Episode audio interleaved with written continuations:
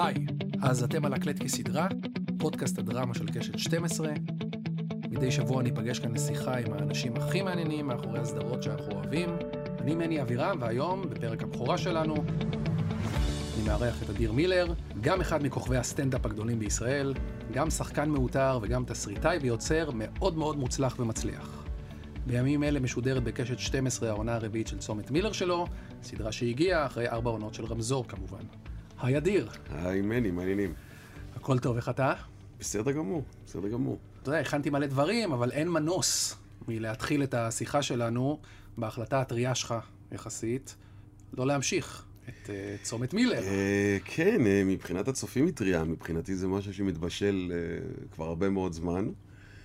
אני לא עדיין במאה אחוז שלם איתה, אני חייב לומר, כי קרה משהו עם העונה הזאת, שכאילו אני מרגיש כאילו שהיא התפוצצה, מה שנקרא. אבל uh, אני חושב שאני כן uh, אסיים את הפרק הזה בחיי, uh, כפי שסיימתי את רמזור. שזה גם אחרי ארבע עונות. גם אחרי ארבע עונות. זה, זה, זה לא איזה קטע של כל ארבע עונות, כן, אתה יודע, תמיד אני אומר על, בזוגיות, אתה שוכח גרב פעם אחת, שכחת פעמיים, תמיד אתה שוכח גרב. אז פה הפעמיים זה לא תמיד אחרי ארבע עונות אני מוריד, לא, אבל אני בדרך כלל מרגיש שכאשר אה, אין לי מה להגיד יותר, זאת אומרת שהעונה הבאה תהיה כמו עוד כמה פרקים של עונה ארבע, אתה מבין? אז אני צריך לסיים את הדבר הזה, כי אני אוהב התפתחות מעונה לעונה, דרך הדמויות שאני בונה. אם זה הנלי, שהעונה פתאום יש לה ילד, אז מבחינתי לחדר הכתיבה נכנס עוד נושא. ואני מרגיש כאילו שאחרי ארבע עונות כבר uh, אמרתי את מה שאני רוצה להגיד, ומה שמוביל אותי כל חיי, תמיד שואלים אותי למה אני עושה, אני, אני אוהב ליצור, אני אוהב את היצירה, אני אוהב את התהליך, אני אוהב את הבתולין, אני אוהב את ה... לחפור כדי למצוא, ו...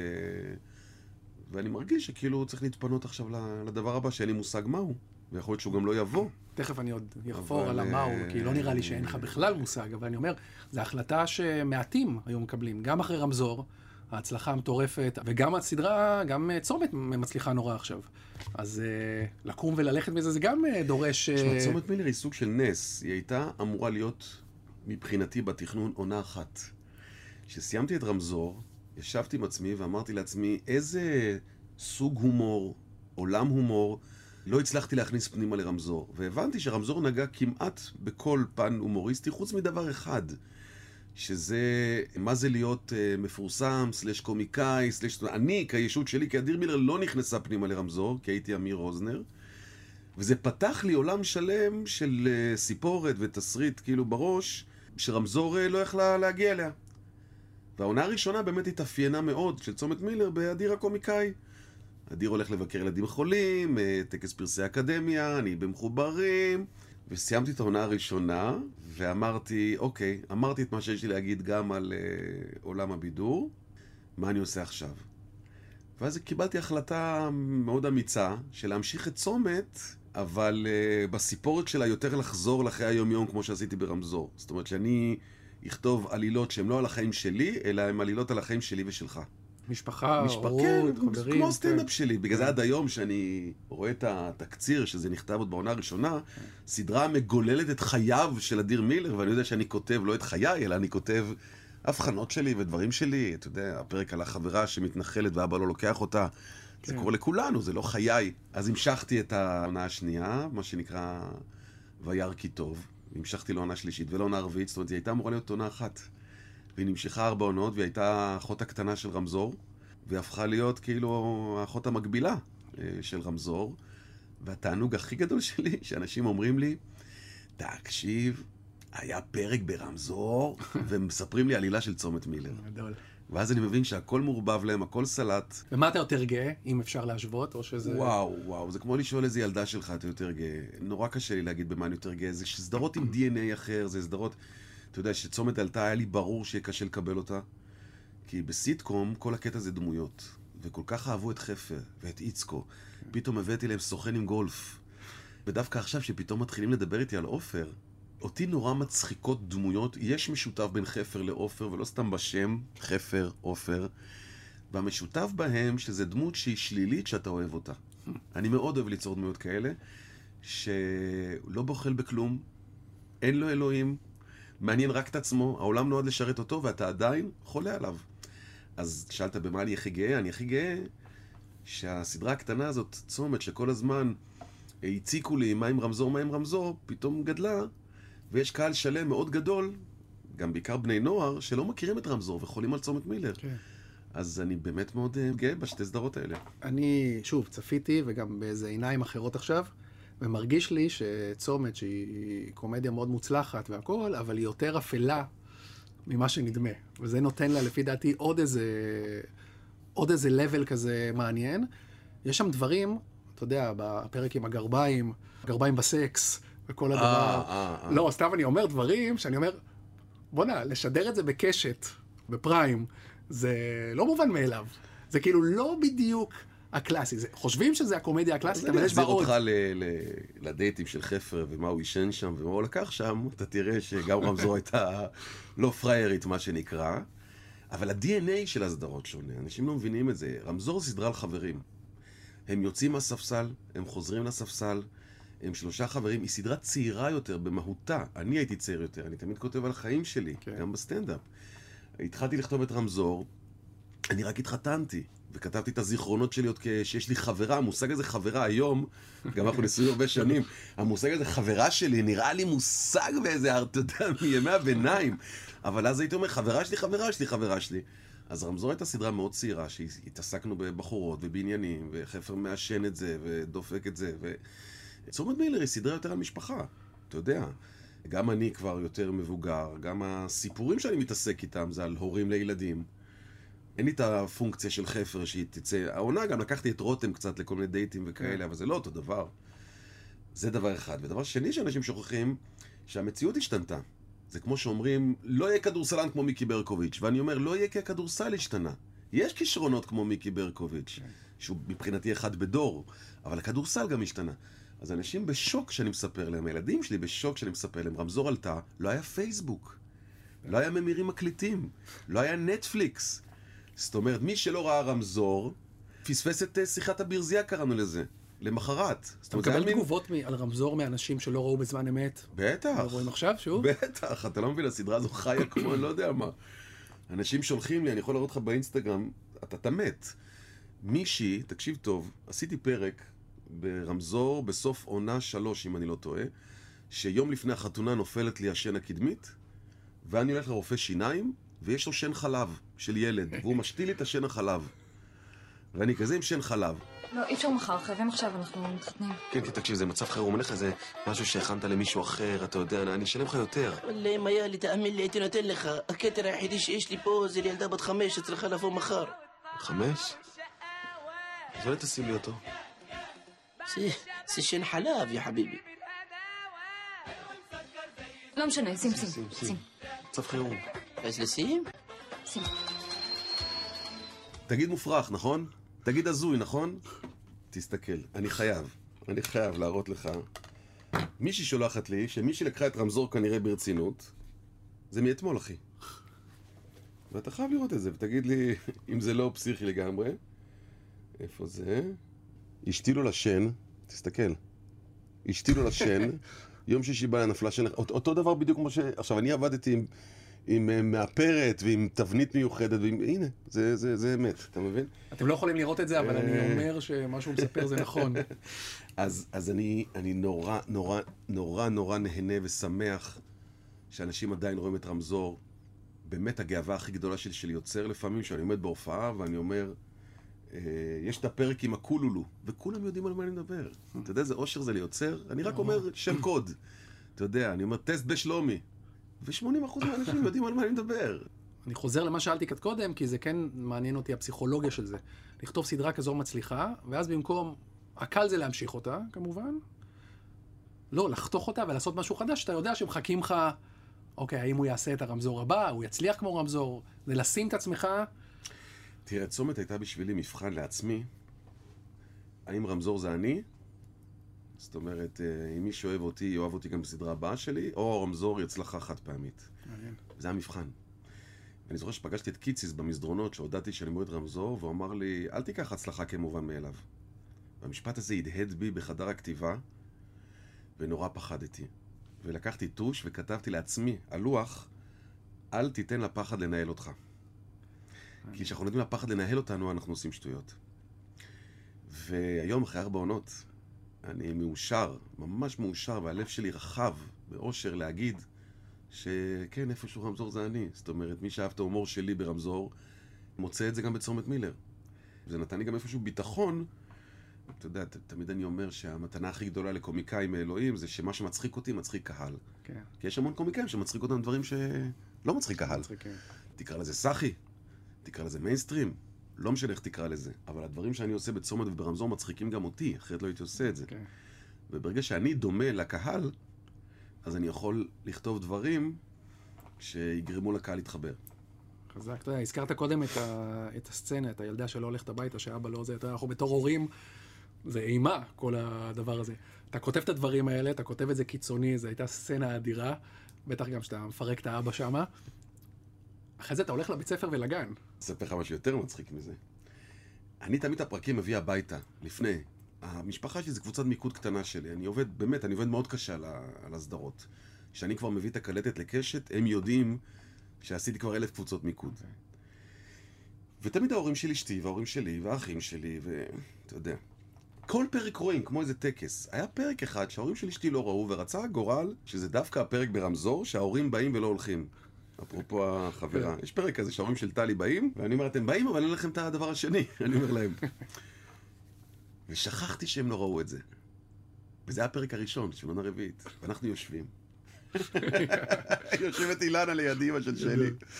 והם יושבים, ואני פתאום מגיע, ואני אני קולט שעוד מעט מגיעה סצנה, והיא מסתובבת אליי ואומרת לי, אתה רוצה להגיד לנו משהו? ואני אומר לה, לא, אילנה, אני כל כך אוהב שאתם באים.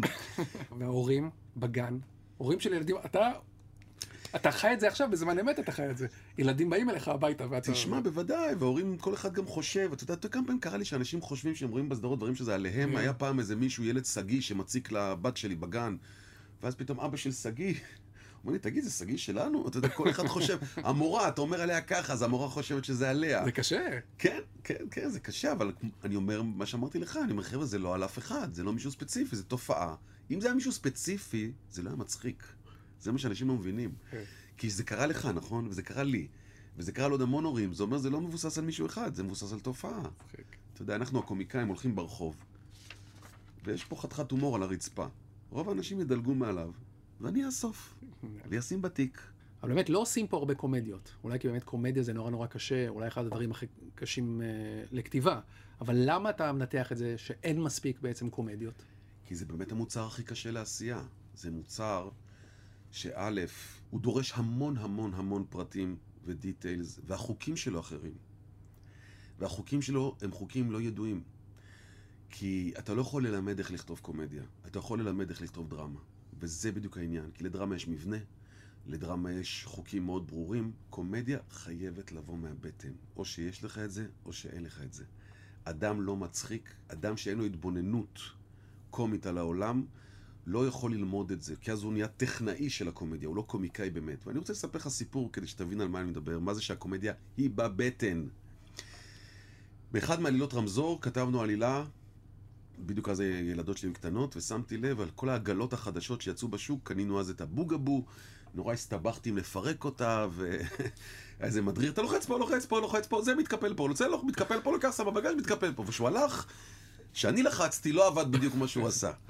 אז אמרתי, אני חייב לעשות אה, פרודיה לזה, ויש עגלה שקוראים לו Baby Boo, ואחד הדברים שכתבתי שם, שכאילו אומר המוכר, זה עגלה גם שיכולה להחזיק מבוגר. וטלי אומרת, בוא נעשה נסיעת מבחן.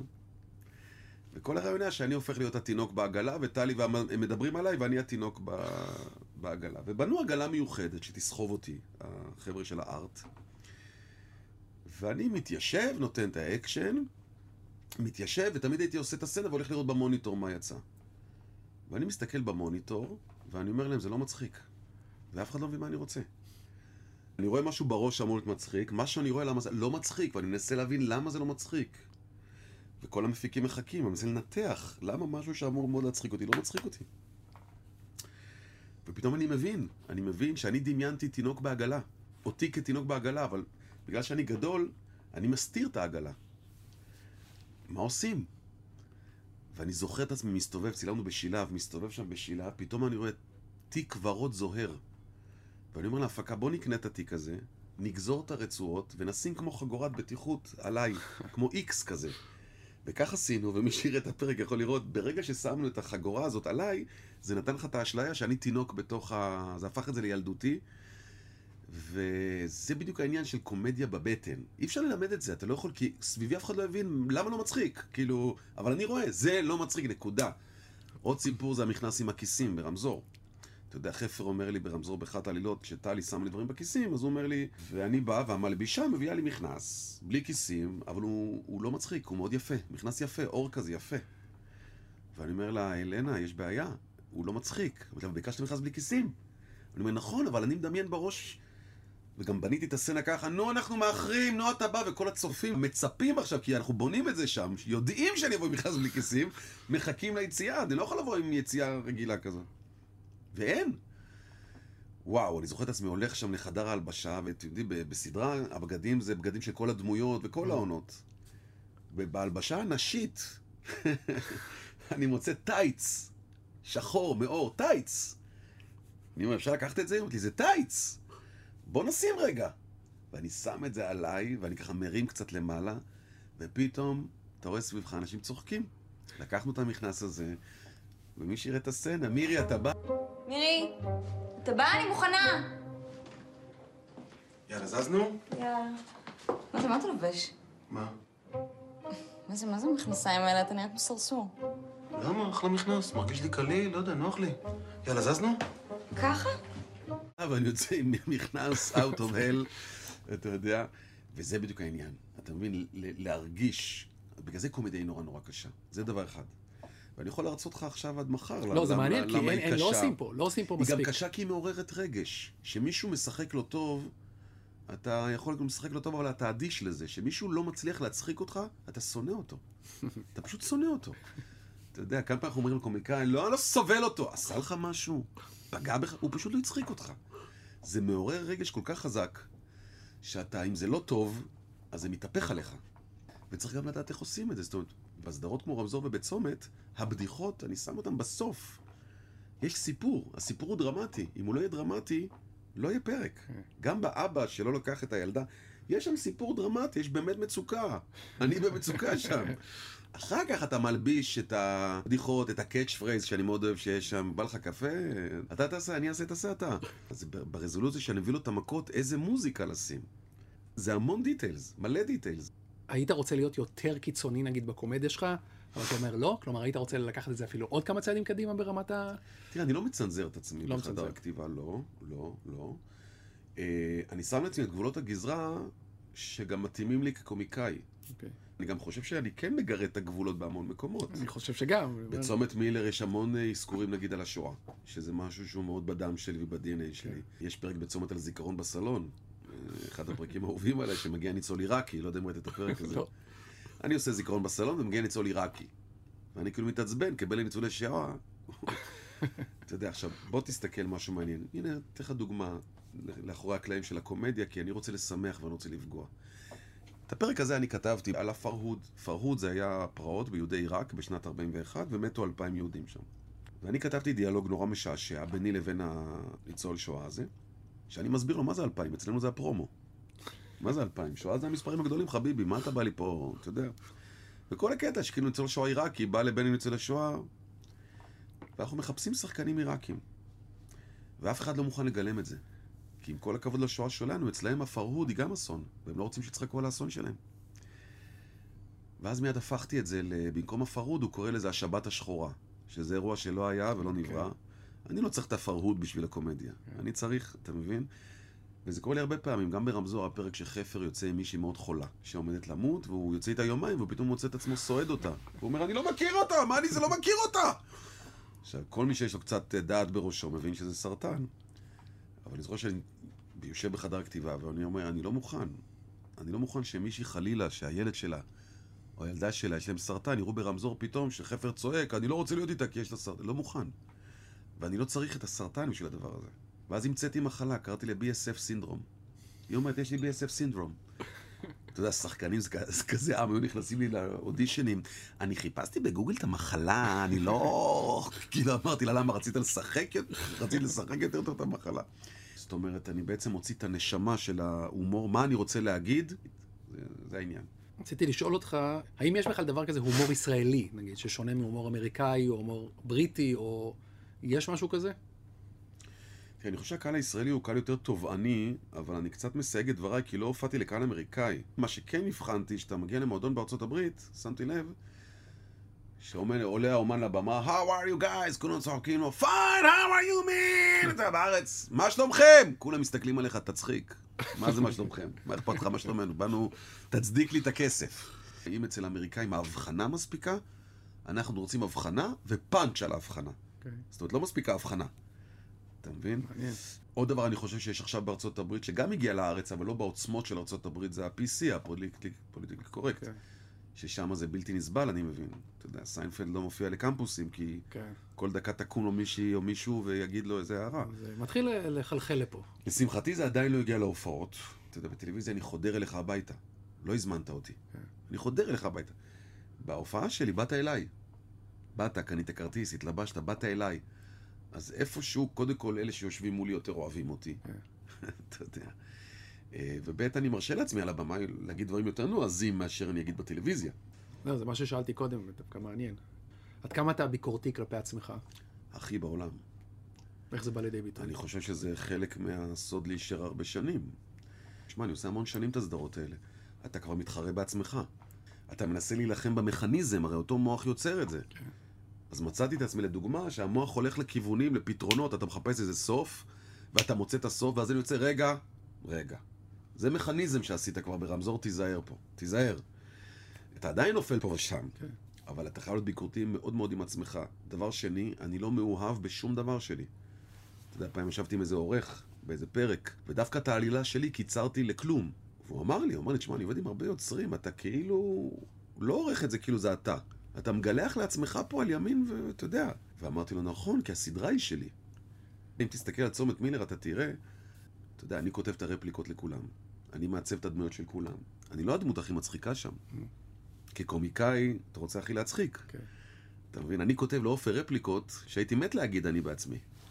מבחינת הבדיחות, לא מבחינת הצד האפל שבי. אתה יודע, תשים לב שתמיד אני מול עופר, פתאום הטקסטים שלי זה, נו עופר, השתגעת? עופר, נראה לך הגיוני? הוא זה שמצחיק. כשאני אומר לו על הבת שלי יוצאת עם אחת שכמו נטע, והוא אומר לי, נטע, באמת שם של זיין. אתה יודע, אני מת להגיד את זה, ואני כותב לו את זה. הוא זה שמקבל את הכפיים ואת הצחוקים. אני רוצה שאני לא אשכח שאלה מקודם, אפרופו, ה- מדגדג לך לכתוב דרמה? אתה מתפרץ לדלת פתוחה.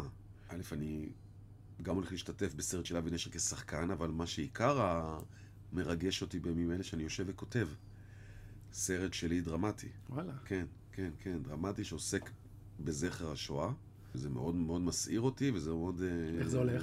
אני לא יודע, כי אמרת כתיבה זה תהליך מאוד בודד. זה רק אתה וה... והמחשב. וזה אחר, כי אני רגיל שהמצפן של הקומדיה מוביל אותי. להגיד לך מה יצא מזה, בשלב הזה שאנחנו מדברים, אני לא יודע. אני לא יודע. אבל אני מאוד מחובר לזה רגשית, כי זה גם יושב על איזה משהו משפחתי, בהשראת כאילו. יפה. כן. תגיד, אתה מקבל פידבקים חיצוניים? אמרת קודם שאתה מביא פרקים הביתה, אבל אתה מקשיב? כלומר, מי- בוודאי, מי חד ה- משמעי, מי? הקבוצות מיקוד שלך?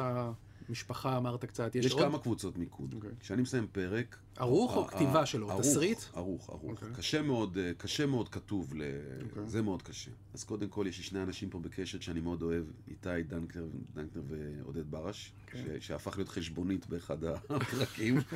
תמיד כשאני סוגר את העריכה אני קורא להם, וכשאני עושה קבוצת מיקוד, אני לא שואל שאלות. אני כל הפרק מסתכל על הפרצוף שלהם. ויש משהו מאוד יפה בלראות אנשים רואים קומדיה. הפנים משתנות כל הזמן, החיוך גדל ומתכווץ, גדל ומתכווץ. ואיפה שהחיוך נעלם, אני יודע שיש פה בעיה בפרק ואני צריך לטפל. ואז בסוף אומרים לי, אתה רוצה לדעת מה חשבנו? ואני אומר להם, לא, ראיתי. אני לא צריך לדעת כלום, אני ראיתי. זה היופי של הקומדיה, להבדיל מדרמה של פנים חתומות. כן. עכשיו שאני אכתוב דרמה, אני אצטרך לשאול. הפרקים עוברים מהפכות, לא פחות, בעריכה. שוב, כמפיק זה מלחיץ אותי, אבל אני שמח בשבילך שזה... לא, כי יש פרקים שלא עובדים, אני לא נלחץ שזה לא עובד, אני מנסה להבין למה זה לא עובד, ולייצר את הפתרון שלו. עכשיו, אני מאוד מאוד גאה בזה שהכל אני עושה בעריכה, מעולם לא יצאתי לצילומי השלמה. וואלה. לפעמים אני עורך סצנות שלא נכתבו, לא צולמו, ואני עושה את זה מחומרי גלם. אספר לך סיפור, אם בא לך. ברור. כבר בעונה הראשונה, יש פרק, אחד האהובים עליי מהעונה הראשונה של רמזור, פסיכולוגית כלבים. מי שלא זוכר, העלילה מדברת על זה שטלי בעצם מביאה... אני רואה את המפיק שלך מחייך, וזה הכיף שלי, אתה מבין? שאני אומר, הוא, הוא יודע על מה אני מדבר. זה, זה, זה האושר, אני פסיכולוג כלבים, והוא התניה פבלובית, הוא צוחק כי הוא נזכר בפרק. זה יותר חזק, אגב, כי אתה מזכיר לך שהוא בן 23. כן, זה זה מה ש... אתה יודע. באמת מחמם את הלב. בקיצור, טלי מביאה פסיכולוגית, לכל... יש בעיה עם הכלבה, במצב רוח לא טוב, מי שזוכר את רמזור יודע שאני לא סובל את הכלבה, והפסיכולוגית מאבחנת שאולי יש בעיה ביני לבין הכלבה, והיא אומרת לטלי לשים מצלמה. וטלי שמה מצלמה. עכשיו, אנשים מבינים בקומדיה, הסוד שלי תמיד, אני כותב משהו ואני עוצר. עכשיו אני אגיד לך, מה השלב הבא? אם תנחש, נכשלתי. אסור לך לנחש. שמה מצלמה, אוקיי, מה הלאה? אז בעלילה אני, אני מגיע ואני מוצא את המצלמה, ואז אני מצלם סרט דמה, שאני כאילו מאוד אוהב את הכלבה. טלי? טלי, את בבית? טלי? מי זאת הכלבה היפה הזאת? מי, מי? אוי, אוי, יפה שלי, יפה שלי, יפה שלי. והן יושבות וצופות, והסוף של הפרק, אני כתבתי אותו שהיא כל כך התרגשה מזה שאני אה, אוהב את הכלבה, שהיא שלחה אותי לסדנת נביחות, להבין את ירדנה יותר טוב. והייתה סצנה שצילמנו סדנת נביחות, ואני יושב בחדר העריכה, ומני, הסוף לא עובד לי. הסוף מרסק לי את העלילה. ואומרים, מה עושים? ואני אומר, תנו לי לחשוב. ותמיד הרעיונות הטובים שלי מגיעים באמבטיה. ואני זוכר את עצמי שאני יושב ואני רואה את החומרי גלם של אה, כאילו הקליפ הטוב שאני עושה עם הכלבה, שאני טוב לכלבה. ואני פתאום קולט כאילתור שאני עשיתי משהו, הסתכלתי למצלמה ואמרתי, נגמר? יאללה, לכי קסאמה, וזורק את הכלבה קצת. ובינגו, הבנתי שפה הפתרון שלי, עכשיו מה אני עושה? יושב באמבטיה בערב, ואני אומר, אם הייתי יכול ליצור סצנה, כי תמיד אני אומר לאנשים שעורכים, תחשוב מה אתה צריך לפני שאתה בא לחומרי גלם שלך. ואני אומר, אם אני אצליח ליצור סצנה, שאיכשהו טלי רואה את זה, איך אני אעשה את זה? אם היא תשב עם חברה שלה, ותגיד לה, אני פשוט כותב, כאילו לא צילמתי עוד, אתה מבין? תראי איזה נחמד הוא מול הכלבה, ואז הן מגלות את זה, יש לי סוף. מאיפה אני מביא את זה? ואז נזכרתי, בפרק 4, טלי וסנאית, חברה שלה, יושבות ורואות טלוויזיה. יש פרק כזה. שם מעולה סנאית, אגב. כן, תודה. אז אמרתי, אני יכול לשים אותם רואות טלוויזיה, לשים פול פריים שלי עם הכלבה, להקליט, הבאתי את ליאת הרלב, להקליט, תראי איזה מהמם הוא עם הכלבה. עוד עשיתי, כשהיא אומרת לה, רוצה קפה? לקחתי מפרק עוד פרק, פרק 7, טלי הולכת למטבח להכין קפה. אתה מבין?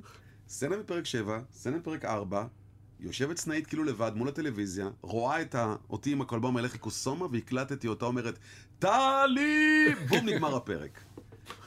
אני מזמין את הצופים ללכת לראות, לראות את פרק 10 של עונה ראשונה, לראות את הסוף ולהבין שהוא לא נכתב מעולם, גדול. הוא לא צולם מעולם, הוא נוצר בחדר העריכה. מעולה. עוד סיפורים. אה, כן, כן, כן. אתה כותב בגבעתיים? בבית? אני קודם כל יש לי אנשים שהם, שיש לי צוותים שעושים את זה איתי. תספר על התהליך קצת, באמת, איך זה... זה מתחיל מ brainstorming, יש לי את אה, אייל ומאיה הג'ינג'ים, כן. מתוקים, ואת אה, חן אביגדוריה מהמם, ואת עופר קניספל, זה הצוות שלי. אנחנו בהתחלה עושים פינג פונג, זה מתחיל, מביאים איזה רעיון, ומתחילים לדסקס עליו, לאן זה יכול ללכת, לאיזה כיוונים זה יכול ללכת, אתה יודע, כל רעיון יכול ללכת לאלף כיוונים. בודקים אם יש מספיק סטפים לייצר מזה עלילה, כי אני יכול להביא לך רעיון מאוד מצחיק, אבל הוא נגמר אחרי, כן. אחרי שני סטפים, צריך לי- שיש לו או מה שנקרא... ושמים את זה בצד. וכל פעם נפגשים ומייצרים עלילות, בעצם עלילות, עלילות, עלילות. ואז נהיה בשלב מסוים במחשב שלי המון עלילות שאני מחלק אותן לדמויות שלי, ואני צריך להחליט עכשיו איך אני מייצר פרק. זאת אומרת, איזה עלילה תחיה עם איזה עלילה, ושם קורה קסם מאוד יפה. שאם בא לך עוד סיפור מעניין על קסם כזה, תן לי כסף. כי יש לי גם תיקיה שנקרא עלילות אה, לא מספיק טובות, או שאין להם סוף. אתה יודע, שם אני זורק. והנה, אני אספר לך על פרק שאני מוכן להתערב איתך שעוד שנייה המפיק החמוד שלך יחייך. אה, ברמזור עונה שנייה, הזקנה שלא מפנה, הנה בבקשה, אתה רואה? אה, שאני לא מפנה את הקקי, והזקנה שנוזפת בי. עכשיו, העלילה הזאת נכתבה, ובכלל היה לה מהלכים אחרים לגמרי. זה התחיל מזה שאני לא מפנה את הקקי, וזקנה מתלוננת, וטלי בעלילה הזו הייתה אמורה להתמנות לוועד הבית של השכונה, ומתחיל תלונות, וטלי אומרת בוא נמצא את העבריין שלא מפנה, והעלילה התחילה להסתבך לי יותר מדי מהלכים, אמרתי צריך לפשט פה, צריך לפשט פה. ואז כתבתי את הקטע שיש לה עבריינים, יש לה אגב, זה מבוסס באמת על אמיתי, אני הייתי מטייל עם הכלבה שלי, והייתה איזה מישהי מעירה לי, וכדי שלא תעיר לי, הייתי עושה את עצמי עסוק בטלפון ורב עם מישהו תמיד, כדי שלא תעיר לי. לא הייתי עושה את עצמי עבריין, אבל רב. אבל אני... אמ- אני- סליחה, סליחה, אם אני אומר... לא, לא, כי אם אני... אתה לא מתערב לאחד כזה. אז זה מבוסס קצת על אמת. ובמקביל, הייתה עלילה בתיקיית עלילות לא טובות, שחפר מקבל איזה מייל, היה פעם מיילים כאלה, שאם לא תעביר את המייל הזה לכמה כן. אנשים, אה, יקראו לך דברים רעים. ובעלילה הזאת הוא זה, וקוראים לו דברים רעים, נופל עליו מנורה, הוא נסגר מחוץ לדלת. עכשיו, למה זו הייתה עלילה לא מספיק טובה? כי חוץ מזה שנופלים על הדברים, לא היה שם התפתחות. ושמתי את זה בעלילות לא מפותחות, כי מה אני אעשה? והעלילה נגמרה שהמחשב נדפק לו והוא, והוא מתעצבן. טוב. ואני יושב עם העלילה של הזקנה והקקי, ואין לי סוף. איך אני סוגר את הפרק? מי שזוכר את הפרק, אני כאילו משחק אותה עבריין, מסתבר שהנכד שלה הוא גם עבריין, והוא אומר לי לטייל עם הכלבה עכשיו גם שלה וגם שלי. זה העונש שלי. אבל אין לי סוף. ואני יושב, גרה את הראש באיזה אחד בלילה, נכנס לתיקיות לא, עם עלילות לא מספיק טובות, ככה מרפרף עלילה של חפר, ופתאום אני אומר, כי כתוב חפר מתעצבן על המחשב.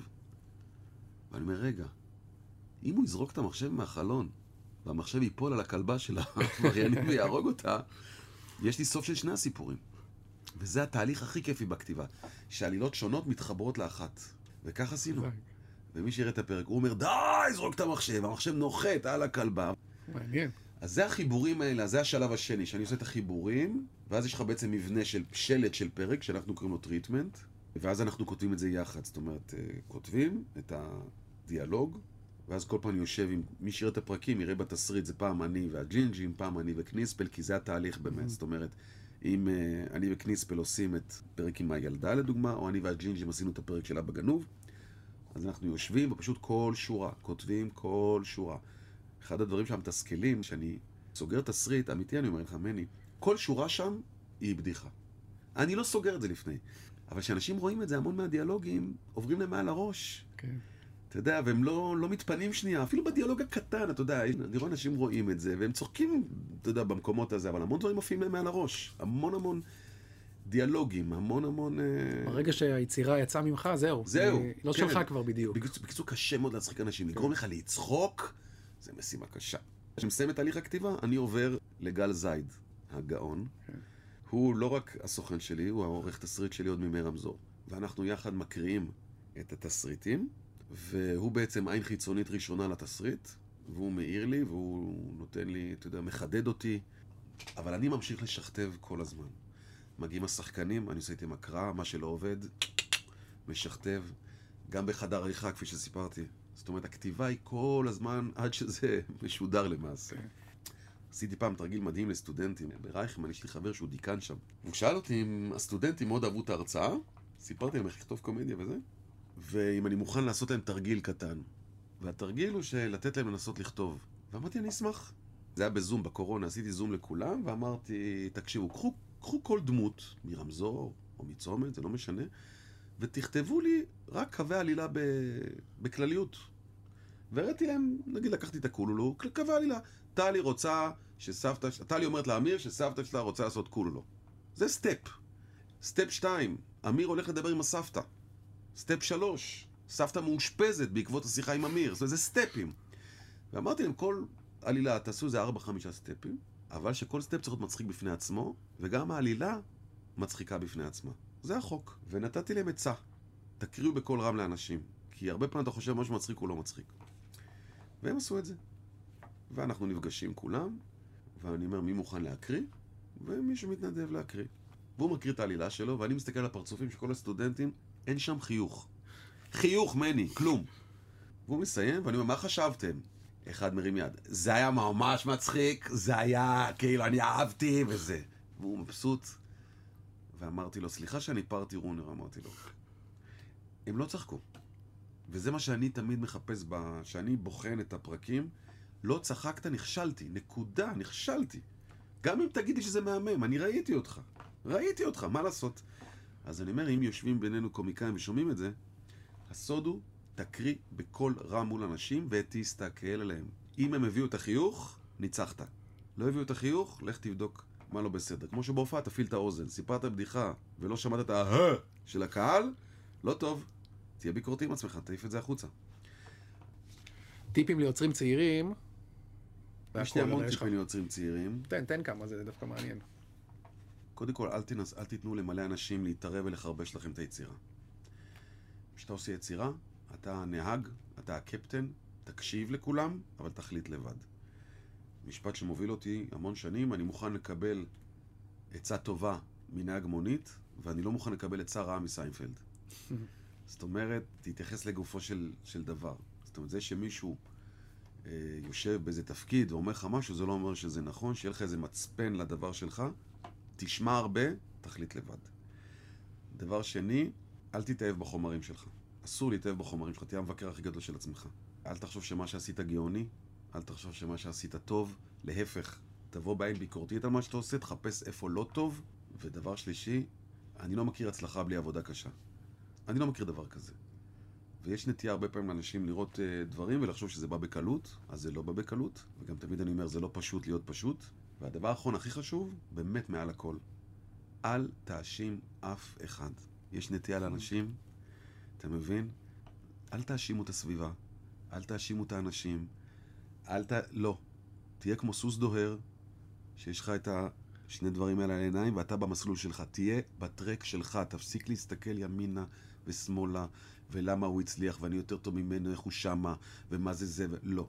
תהיה בטרק שלך, תדהר בטרק שלך, תאמין בעצמך, תעבוד קשה, ואני לא מכיר הרבה אנשים מוכשרים שעבדו מאוד קשה, שיום אחד זה לא הצליח להם. זה, זה העניין, יום אחד זה קורה. אתה צריך כישרון ועבודה קשה.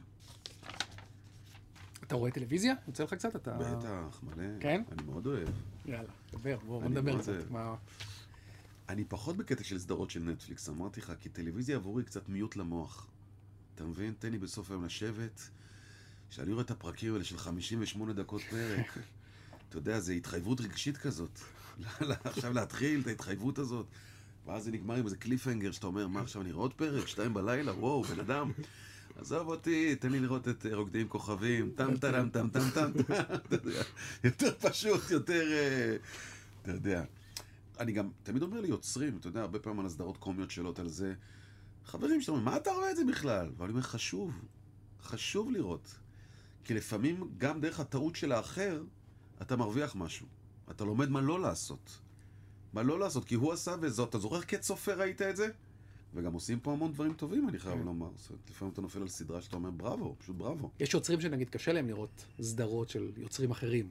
כאילו, אתה, זה גם, זה גם שם. כי אני בטרק שלי, אמרתי לך, כן. לא, לא... תראה, אנשים הרבה פעמים צופים רגשית. אתה יודע, הם צופים, רגע, מה זה אומר עליי? אני יותר טוב, אני פחות טוב. תנקה את זה. אז גם כשאני בא בסדרות, אני, לי, אני לא בא עם איזה ציפייה רגשית לסדרה. אני בא נורא נקי, ועושים פה דברים נהדרים. תשמע, אני לאחרונה ראיתי את uh, עלומים של ערוץ ראשון. יש שם שחקן שמשחק את מנחם, שהוא הפחיד אותי, אני חלמתי עליו בלילה, הוא הפחיד אותי, אחי. אה, גם בני אור, שזו סדרה דומה. כן. אתה יודע, עושים פה יצירות אה, נפלאות. פאודה כמובן, שהיא, כן. אתה יודע, מדהימה. אה, מלקות של גל זייד, שאני מאוד אוהב. הבורר של רשף, שהוא חבר. יש פה סדרות נהדרות, באמת, יש פה עשייה, עשייה נהדרת. יש פה כישרונות נהדרים, יש פה מוחות נהדרים. אנחנו מצליחים לעשות מהלימון לימונדה, מהחוסר תקציב שלנו, אנחנו עושים דברים מדהימים, ותעודדו את זה. אני שואל בסוף באמת, חמש סדרות שמבחינתך אולטימטיביות, לא חייב ישראלי, לאורך השנים, מי, אתה יודע, סדרות ש... תראה, קודם כל, כקומיקאי שעושה סיטקומים, אז אני חושב קרובים קרובים. אחד הדברים, אפרופו זוכרים, עד היום כל מישהו שהוא בן דורי זוכר וידאו של יורם גאון. היה שם פרקים באמת, אתה יודע, כיפים וכתיבה ממש טובה, אז בהחלט קרובים קרובים, עם הדמויות שם ועם ה... שהשפיע, אני בטוח, על המון המון המון יוצרים. אמרתי, הבורר, סדרת פשע, שהיא מעולה וגם מצחיקה. אה, אני קצת חוזר לילדות ברשותך. יש את מנהרת הזמן המיתולוגית, שאני חושב שהצעירים לא... אתה זוכר את מנהרת הזמן? דג וטוני. דג וטוני עם כן, הגולף. הירוק. ברור. כל הסדרה הוא לא החליף את הגולף. סדרה, אתה יודע, אני, אני אוהב סדרות שגורם לי לחשוב. ומשהו בהתעסקות עם הזמן, זה קרה לי גם בחזרה לעתיד, שזה סרט. כן. אתה יוצא כזה ואתה אומר... אני זוכר שראיתי את דג וטוני, בפרק הראשון הוא נוחת בטיטניק. והוא מנסה להזהיר את הרב חובל, הוא אומר, אני מהעתיד, וכולם חושבים שהוא משוגע. ואני תמיד סומך על היכולת הוורבלית שלי והרטוריקה שלי, והבנתי שאם אתה באמת מהעתיד, לא משנה מה תגיד לו, אתה צריך לשכנע. אתה תמיד תראה משוגע. התחלתי לשחק משחק, אם אני דג, איך אני מסביר להם? ואתה יוצא משוגע. לא יעזור בית דין, אתה יוצא משוגע. הרי אם עכשיו אני יבוא, לך מישהו, מני, מני תברח, תשמע, אני מ-2025, אתה לא מבין מה קורה פה. אתה יודע, אין סיכוי, אין סיכוי. אז מנהרת הזמן, ברשותך אני אלך גם לסדרת ילדים, שעשתה לי טראומה רגשית, הלב. מרקו, תשמע, לא חשבו עלינו הילדים פעם, כמו שהיום חושבים עליהם. אני בן אדם, ילד שמאוד קשור לאימא שלו ולהורים שלו. מאוד. ולקחת סדרה של ילד, שאימא שלו באישון לילה, לא אמרה לו אפילו. תבין איזה ילד חר הוא היה. ברחה לארגנטינה. פשוט ברחה. והילד הזה לוקח קופיף ולחמניה לא נגמרת, רץ אחרי אימא שלו, ואני זוכר את עצמי, תקשיב, רואה את הפרקים, ומי שראה את מרקו יודע, כמעט בכל פרק הוא כמעט מצא את אימא שלו. הוא הגיע לבית חולים, הוא נכנס לבית חולים, הוא הולך ימינה, ובמקביל לוקחים אותה עם המיטה שמאלה. ואני בתור ילד צועק עליו, מרקו, הנה היא! מרקו, הנה היא! ובוכה, בוכה את נשמתי. ומה שמדהים בסיפור זה הפרק שהוא פוגש את אימא שלו, שודר תמיד בראשון לספטמבר, שהיינו כבר בבית ספר, אף אחד לא ראה את זה. כדי שהם יוכלו לעשות שידורים חוזרים. אני חושב שאני הייתי, לא, מרקו, קרובים קרובים. כן, כן, כן. הבורר, בני אור, פאודה כמובן נהדרת. אה, ואם אתה שואל אותי על סדרות מחו"ל, אני פחות ככה... יש הרבה סדרות שהן overrated כאלה. כולם שלחו אותי לראות משחקי הדיונון. וואלכ, מה אני אגיד לך? כן, קודם כל- לי לא היה כוח לזה. קודם כל זה בקוריאנית, ואני חושב שעבדו עליי בתרגום. אין מצב. לא יכול להיות, אין מצב. אתה יודע, מישהו בא לכוכבת, עושה לה, הויה! זה מה שאומר לה, הויה! מופיע בתרגום. אני בחובות, לא יודע מה לעשות, נראה לי שאני צריך משחקי הדיונון. סבתא שלי עוזרת לי, והיא עונה לו, מופיע בסדר. משהו פה לא הסתדר לי. אה, אז קצת overrated, אתה יודע, שלחו אותי לראות מניפסט. וואלה, בחייאת דינק. אתה יודע, המאסטיק של האימא של המאסטיק. אז אני...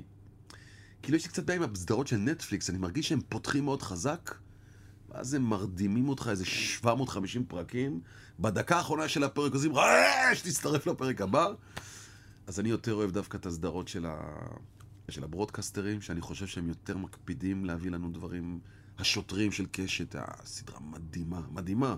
זה קשה מאוד בסדרות להצליח, זה קשה. ואם לא יעשו הרבה ויבינו שחלק מהם טובות וחלק מהם לא, ולא ילחצו שמשהו לא עובד, כי זה חלק מהתהליך. זה כמו שקומיקאי יודע שאם אתה כותב בדיחות, הרוב לא יעבדו, אין מה לעשות, זה חלק מהתהליך.